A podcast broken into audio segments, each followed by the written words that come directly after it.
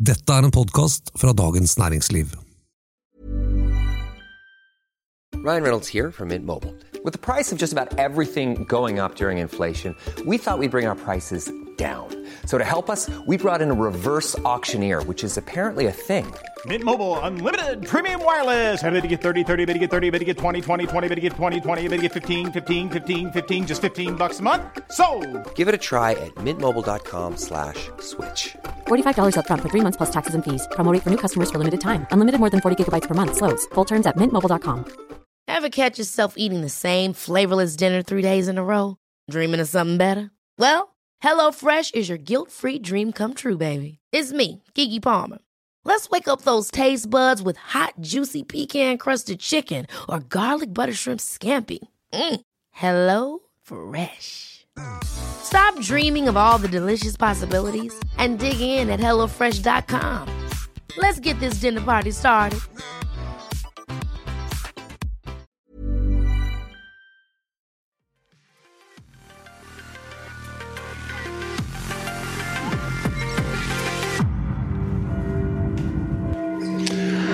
Velkommen til den siste frokosten uten filter her fra Dagens Næringslivs telt i Arendal under Arendalsuka.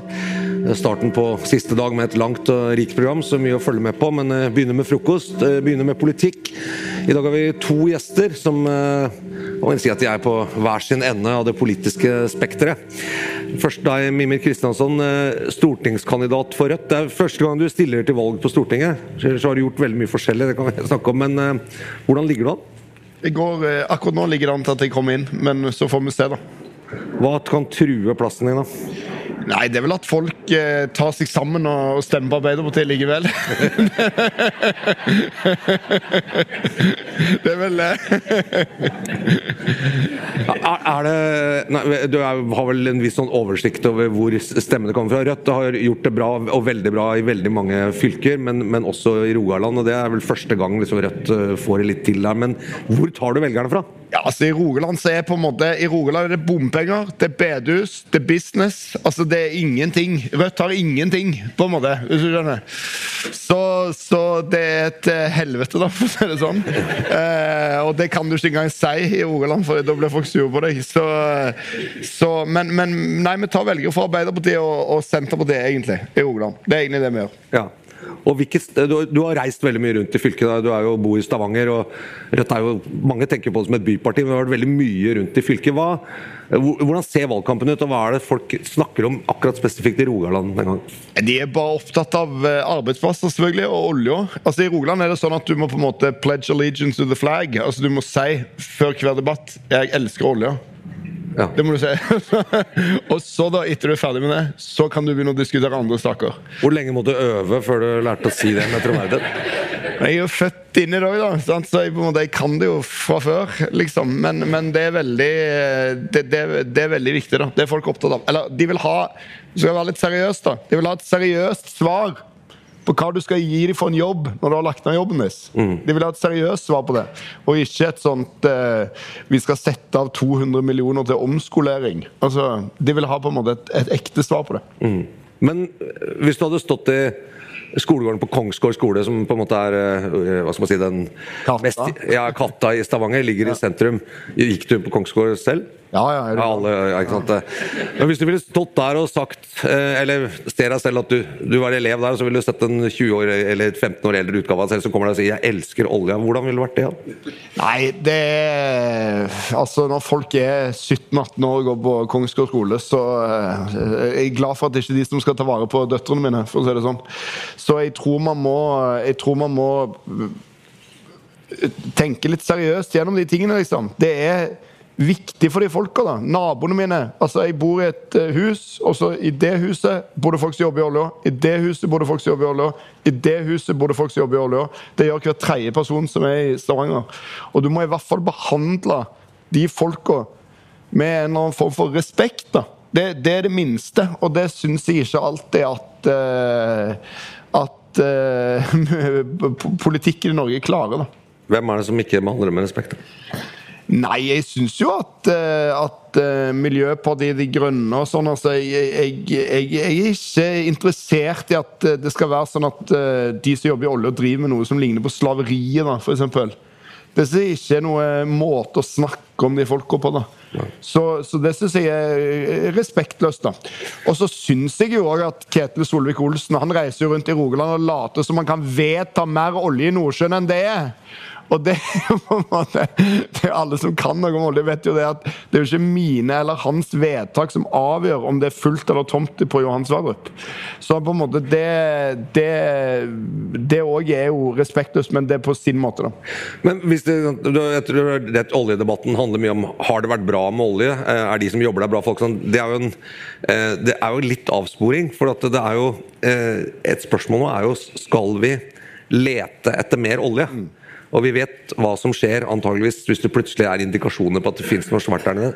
Skal vi lete etter mer, eller skal vi bare nå gjøre oss ferdig med det vi har?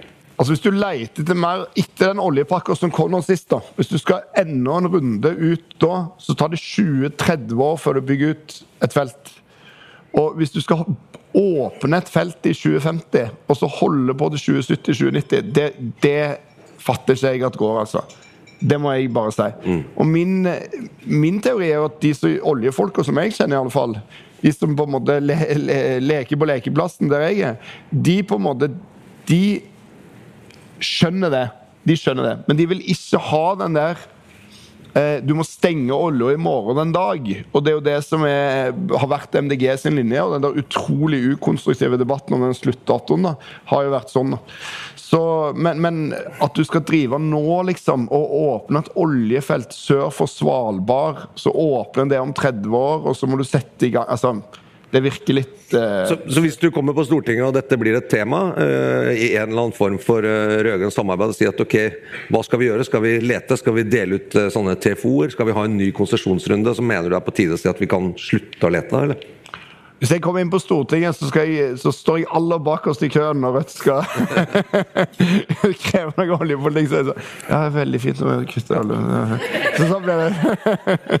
Så, nei, jeg tror det der å stå bakerst i køen, det tror jeg du må øve enda lenger på enn å si at du elsker olje. Hvis det, skal være. det går helt i orden. Det er ingen problem. det kan gå.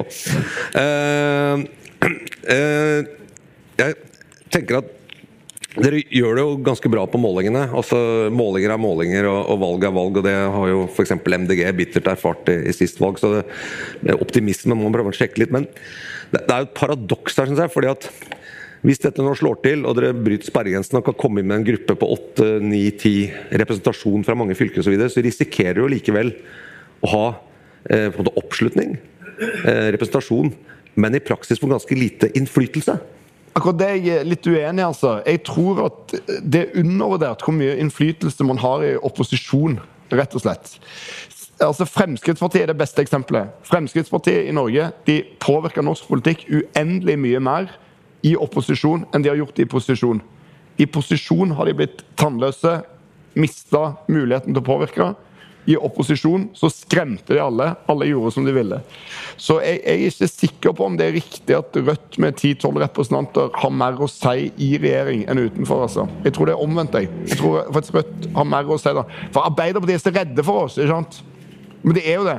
Det er jo sånn, Vi er det nye Arbeiderpartiet, sier vi. Så blir Arbeiderpartiet rasende, for det, det, de er jo det gamle Arbeiderpartiet. Og så på en måte og så vil de, Hvis vi er utenfor da, ikke sant, så er de stressa. Ikke sant? Hvorfor helvete, liksom? Hva holder disse på med?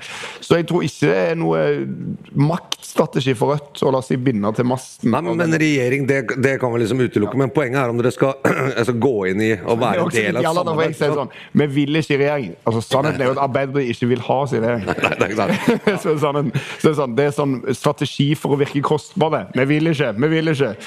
Nei, bare lurer på... Vi vil ha oss i regjering. Det er sånn men når du, sant, når du, snakker om Frp, så var jo de et parti som på en måte, de rendyrket oppslutning en god stund. Og de ja. med vilje liksom stilte seg på utsiden og sa vi vil ikke være noen del av noe samarbeid. Vi vil ikke bruke på en måte eh, politiske teknikker og, og sånn for å få gjennomslag for saker osv. Vi, vil, vi snakker på en måte Men oppfatter jeg at Rødt er et parti som også kommer inn der for å si eh, for å liksom, eh, Vil man samarbeide? Vil man prøve å bruke posisjonen for å, for å få noe til? For å få noe gjennomslag for politikk? Ja, og Det er målet vårt. da. Det er å hindre at du får en Arbeiderparti-Senterparti-regjering som kan samarbeide til begge sider. Det er egentlig målet vårt. da. Så Det har vi til felles med SV. da. Så Det er vi villige til å på en måte bruke mye krefter på å få til. da. Og, og binde, binde de på en eller annen måte til en avtale. da. Og så vil vi jo helst at SV skal gå i regjering. Du kan jo tenke deg hvor kjekt det blir for oss, det. Så, så, så det vil vi. Men, men eh, jeg tror nok at man må være såpass realistisk, liksom. Man har 4-5 på målingene. Og Stein Erik Hagen sier at de skal sende alle velgerne våre til Nord-Korea på første fly. Så, så skjønner du på en måte at det partiet er så radikalt kontra sin egen oppslutning at det ikke er mulig å på en måte tenke at du skal gå inn der og bli liksom Men hvorfor vil du på Stortinget, da? Nei, jeg vil jo på Stortinget for å påvirke. altså, det- er jo rent kynisk opplegg, da, men jeg bare vet altså jeg vet hvordan de Arbeiderparti-folka er. Jeg har vært med i Arbeiderpartiet sjøl. Så jeg vet hvordan de er. Så går du inn i, i regjering med de, så på en måte, så er det, da eier de deg, for å si det sånn. Og det vil eh, da, da må du ha bedre kort på hånda enn det vi har når vi har 5 eller 6 Da må du ha 10-15-20% for å på en måte ha noe. da. SV gikk i regjering, da hadde de 10 da når Halvorsen gikk i regjering. Og etter åtte år i den regjeringen så var det ingen som visste hva SV var lenger i Norge. Eh, Du nevnte Stein Erik Hagen. eh, Og en ting som jo har vært ganske fremme fra særlig nå i valgkampen og tok seg opp igjen etter sommeren, er jo hva man kan kalle et kjør mot rikinger. Hvorfor er dere så opptatt av det? Det er fordi at rikdom altså, Vi er jo det eneste partiet som skal si ærlig at det er et problem at folk er rike òg. Det er ikke bare et problem at eh, folk er fattige. Og det er fordi at rikdom eh, betyr makt. Altså Det er det det betyr. Så når eh, Gustav Witzøe senior eh, gir sin formue videre til Gustav Witzøe junior så rart at rike folk er så lite kreative navn. Har du tenkt på det? men, men, men det er sånn kongerekke, da. Men, men uansett, da. Når det gir det videre, da, Gustav Witzøe senior til Gustav Witzøe junior, så betyr det at Gustav Witzøe junior i en alder av 25 år plutselig styrer over arbeidsplassene til 10 000 folk. Og han er jo bare en fyr som har lyst til å være modell og være i London. Så hvorfor i alle dager skal han plutselig bestemme? Hvorfor skal han bli en av verdens mektigste folk? Hvorfor skal han bli en av Norges mektigste folk? Hvorfor skal han bli Trøndelags mektigste person? da? Så dette er for meg, da, så er dette liksom Jeg ser på dette som adelsprivilegier. Jeg kan ikke se det på noen annen måte, egentlig. Det er enorm makt som går i arv fra far til sønn på den måten. Jo, men- det er makt men, men- problemet, da. Men det, Altså, det politiske, det, det er fair, og, og hvordan det påvirker samfunnet osv. Men når du sier stad at Jeg orker ikke at folk skal si at liksom, de som jobber i oljen altså Snakker man om en negativ måte eh, pga. noe de har gjort, altså, som har vært lov. Vi må liksom behandle folk med respekt. Men dette, altså, mange folk som har tjent penger helt legitimt, bygd opp næring, lagd arbeidsplasser.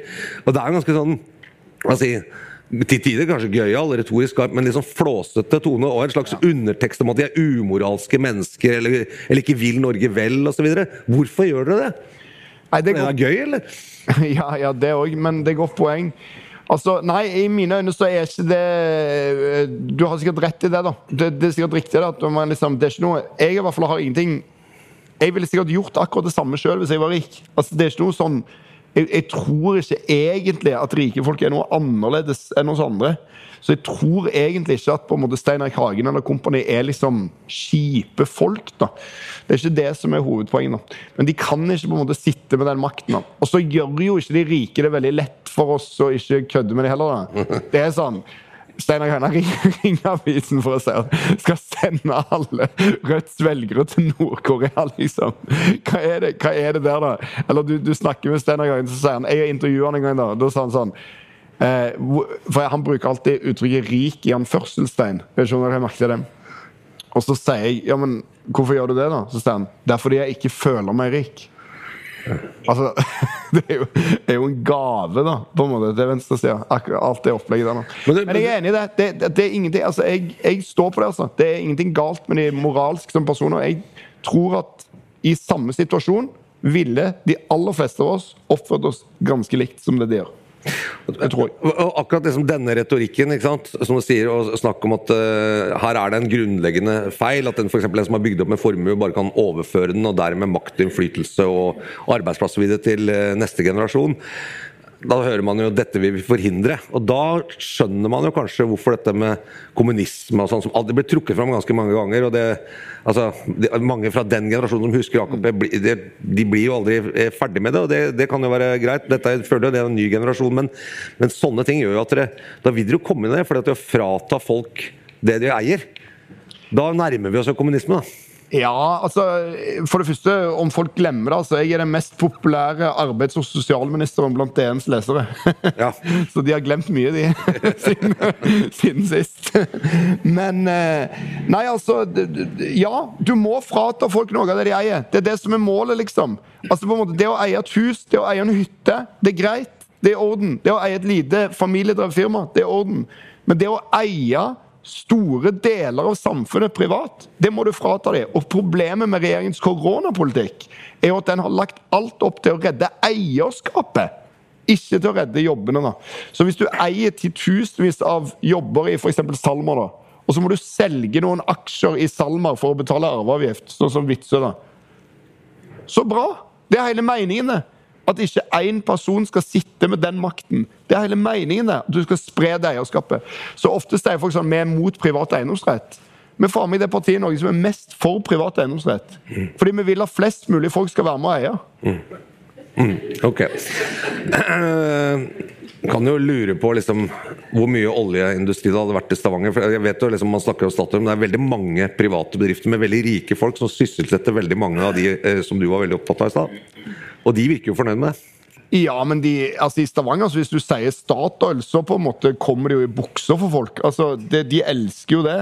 Sånn at jeg tror jo folk skjønner jo at staten har vært den avgjørende driveren i å bygge opp det oljeeventyret. Og all den leverandørindustrien som du snakker om nå, den er jo også basert på at staten har bestemt seg for at her blir det oljeindustri, her eier vi feltene, og så kan dere leve av oss. da. Ja, Kjell Inge Røkke er veldig rik, da. Og han er jo en av de viktigste Absolutt. arbeidsgiverne. denne tingen. Ifølge ligningen i Norge er Kjell Inge Røkke veldig fattig. Han har ikke tjent én krone siden 2004. eh, til høsten så kommer du med bok om uh, Jon Michelet. Er, uh, altså, er han ditt politiske forbilde? Nei. er han ditt forbilde, punktum? Nei, jeg vet ikke. Altså, han er et go godt menneske. Ja, Sånn sett er for forbilde, ja. Folkets helt har du kalt boken. Hvorfor det? Fordi at Jon Michelet begynte jo som en sånn politisk folkefiende på 70-tallet. Det var det absolutt ingen som syntes han var noe stas. da, Han drev og holdt på. og Så endte han opp med sånn Erik Bye-aktig popularitet da, på slutten.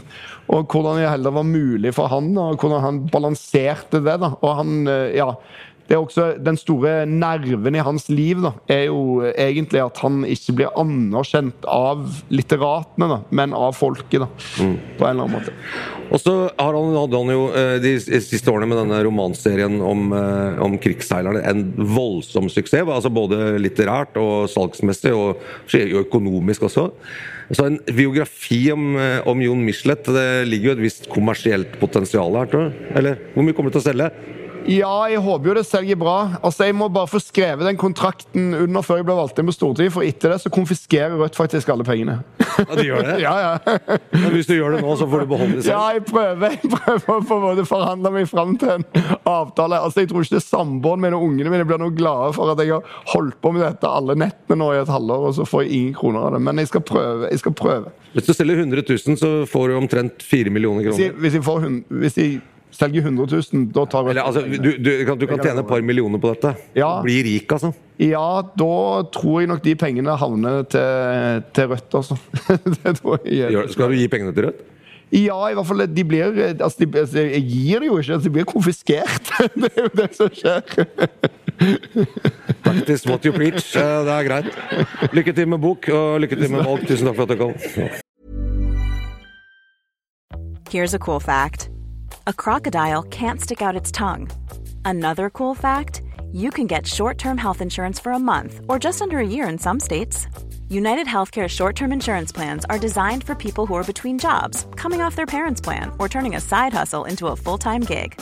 Underwritten by Golden Rule Insurance Company, they offer flexible, budget friendly coverage with access to a nationwide network of doctors and hospitals. Get more cool facts about United Healthcare short term plans at uh1.com. It's that time of the year. Your vacation is coming up. You can already hear the beach waves, feel the warm breeze relax, and think about work. You really, really want it all to work out while you're away. Monday.com gives you and the team that peace of mind. When all work is on one platform and everyone's in sync, things just flow wherever you are. Tap the banner to go to Monday.com.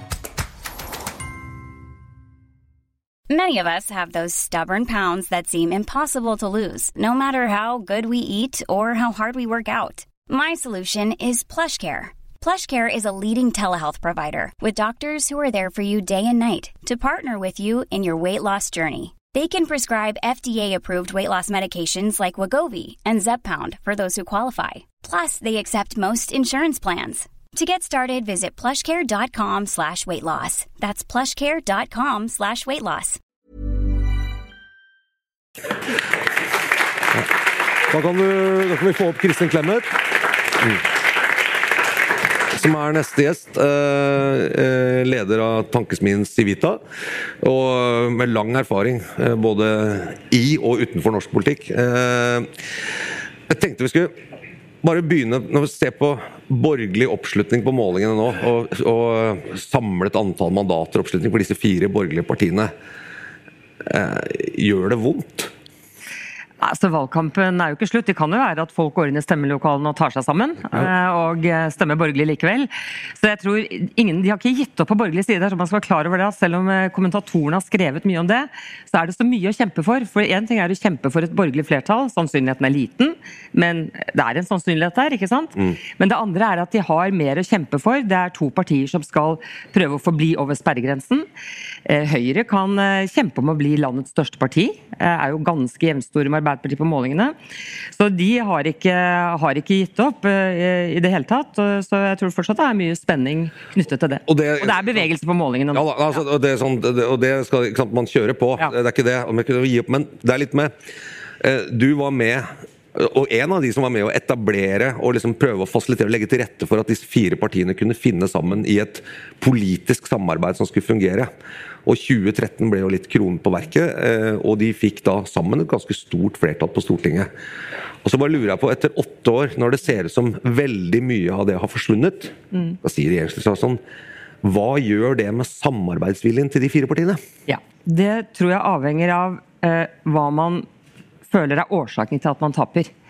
Og jeg tror ikke Altså hvis man liksom eh, taper valg eh, og føler at man er skikkelig hva skal jeg si, utmattet og på bånd, eller man ser noen syndebukker, personer eller noe politisk noe som er gjort, så kan det bli veldig vanskelig å reise seg igjen. Og Det er et kjent fenomen at når du først har sittet i regjering mange år, så skal det litt til å liksom eh, begynne politikkutviklingen igjen og komme seg igjen, for du er litt, eh, litt tom.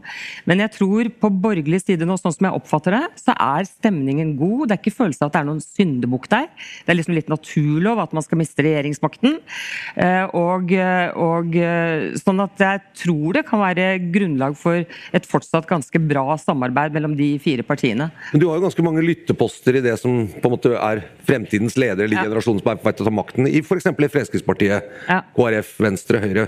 Og Når det gjelder Fremskrittspartiet, eksempel, er den nye generasjonen, nye partiledelsen Sylvi Listhaug, er de like innstilt på å, å være en del av en borgerlig blokk som de har vært disse åtte årene?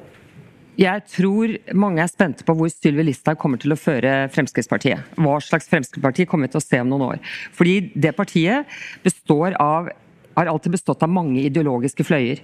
De har hatt eh, det man kaller liberale eller liberalister, ikke sant? som ikke er så opptatt av innvandringspolitikk, som er opptatt av Europa, som er opptatt av en liberal økonomisk politikk osv. Og så har de hatt en del populister, eh, de har hatt en del kristenkonservative, og noen som nærmest kan betraktes som sosialdemokrater, som like gjerne kunne stemt Høyre eller Arbeiderpartiet, ikke så veldig interessert i politikk.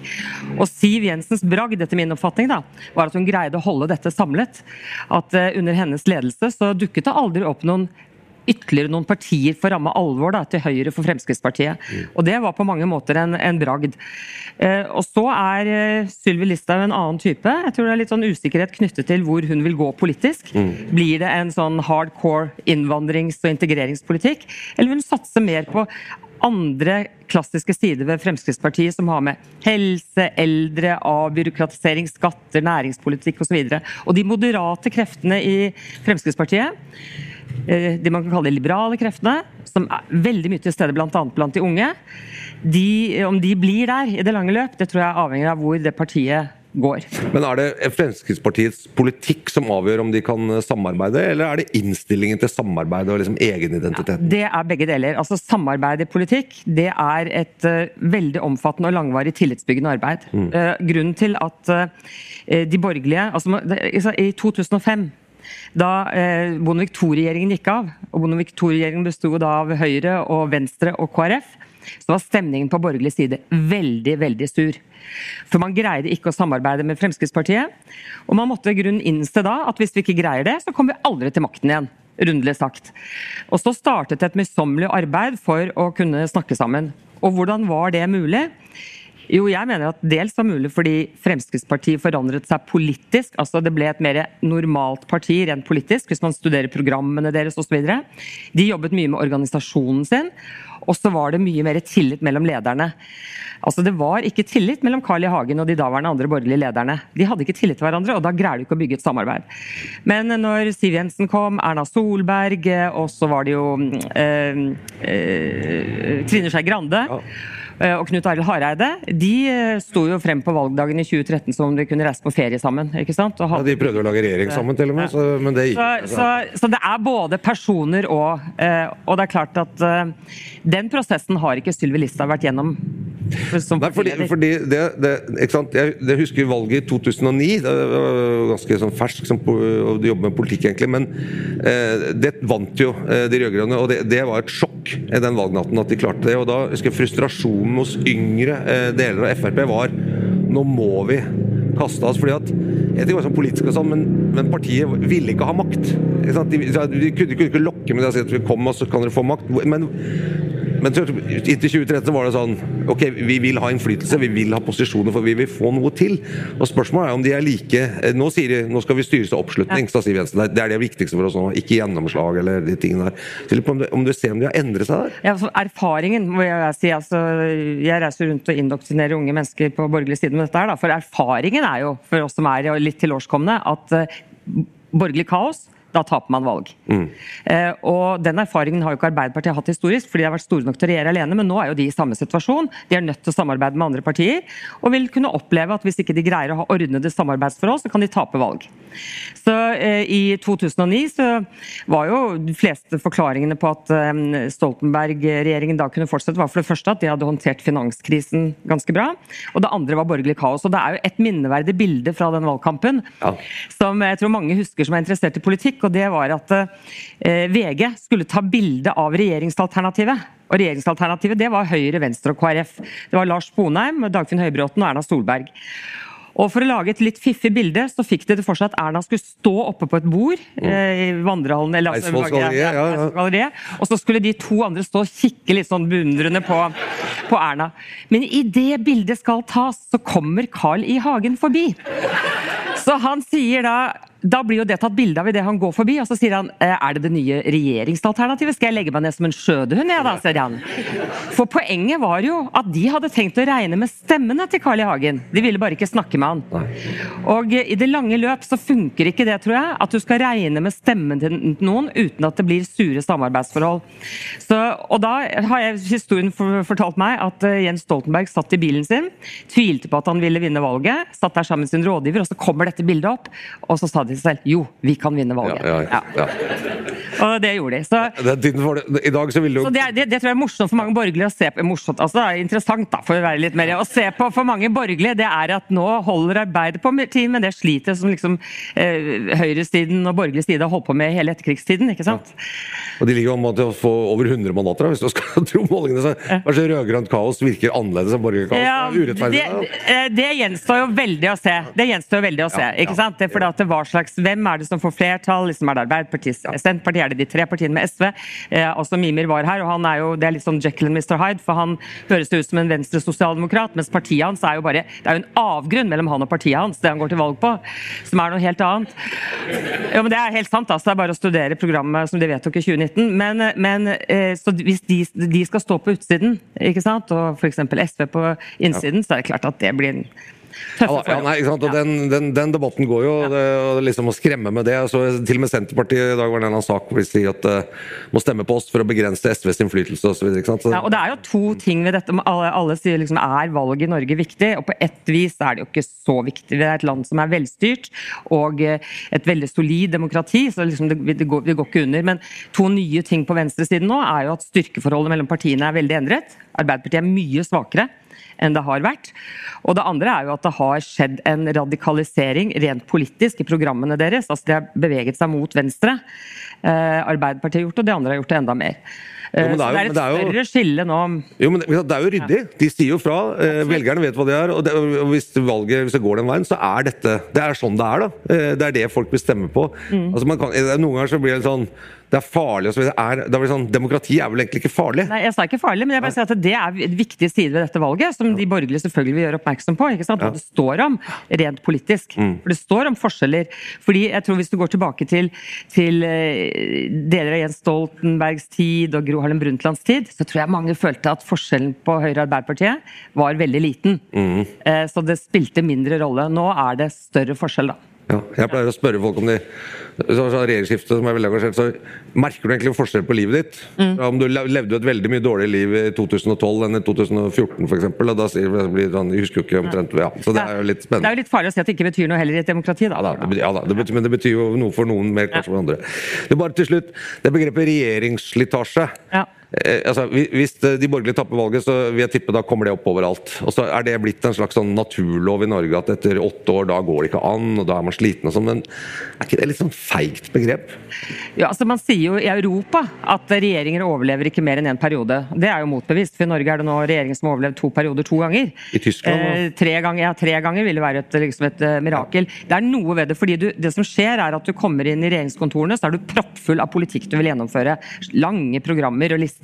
Og så gjør du det, og så er det vanskelig ofte å utvikle ny politikk etter hvert som du liksom har gjennomført den politikken du, du kom inn eh, med. Men eh, det er samtidig et så kjent fenomen at de partiene som sitter i regjering, særlig de store partiene, prøver å bøte på det. da, Og igangsette mye arbeid for politikkutvikling, også når de har sittet lenge i regjering. Har Høyre lykkes med det, syns du? I- Altså eh, jeg, jeg, jeg tror det er kanskje, ikke, kanskje ikke programmet er proppfull av nye ideer, men de jo det, har jo det dilemmaet at de føler ikke at de er ferdig med å gjennomføre det de har startet. ikke sant? Så de vil gjerne fortsette, da.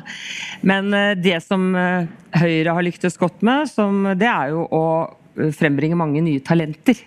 Det er ofte også vanskelig når man sitter i, i regjering, men det har de greid å gjøre.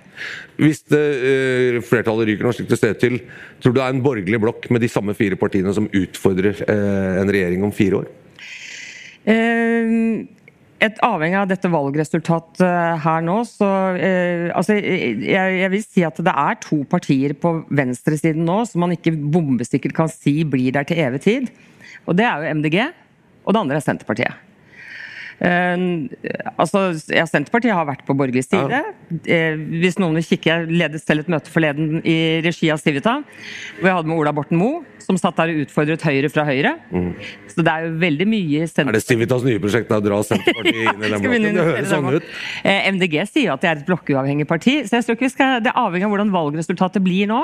Hvor lett eller vanskelig det blir for de partiene. Mm. Om det begynner å skje bevegelser der eh, i retning av mer borgerlig side eller borgerlig samarbeid. Tusen takk, Kristin Clemet. Godt valg. Eh, og takk eh, Ja, tusen takk. Det var Frokost uten filter, eh, og det var alt fra det på Arendalsuka i år. Men masse å se på her på DN utover dagen. Men takk for nå, så ses vi til neste år.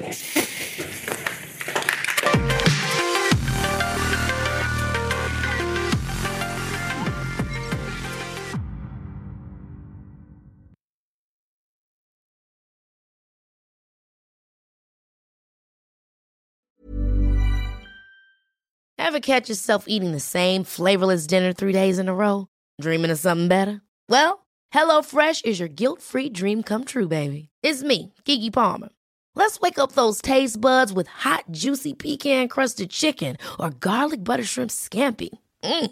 Hello Fresh. Stop dreaming of all the delicious possibilities and dig in at HelloFresh.com. Let's get this dinner party started.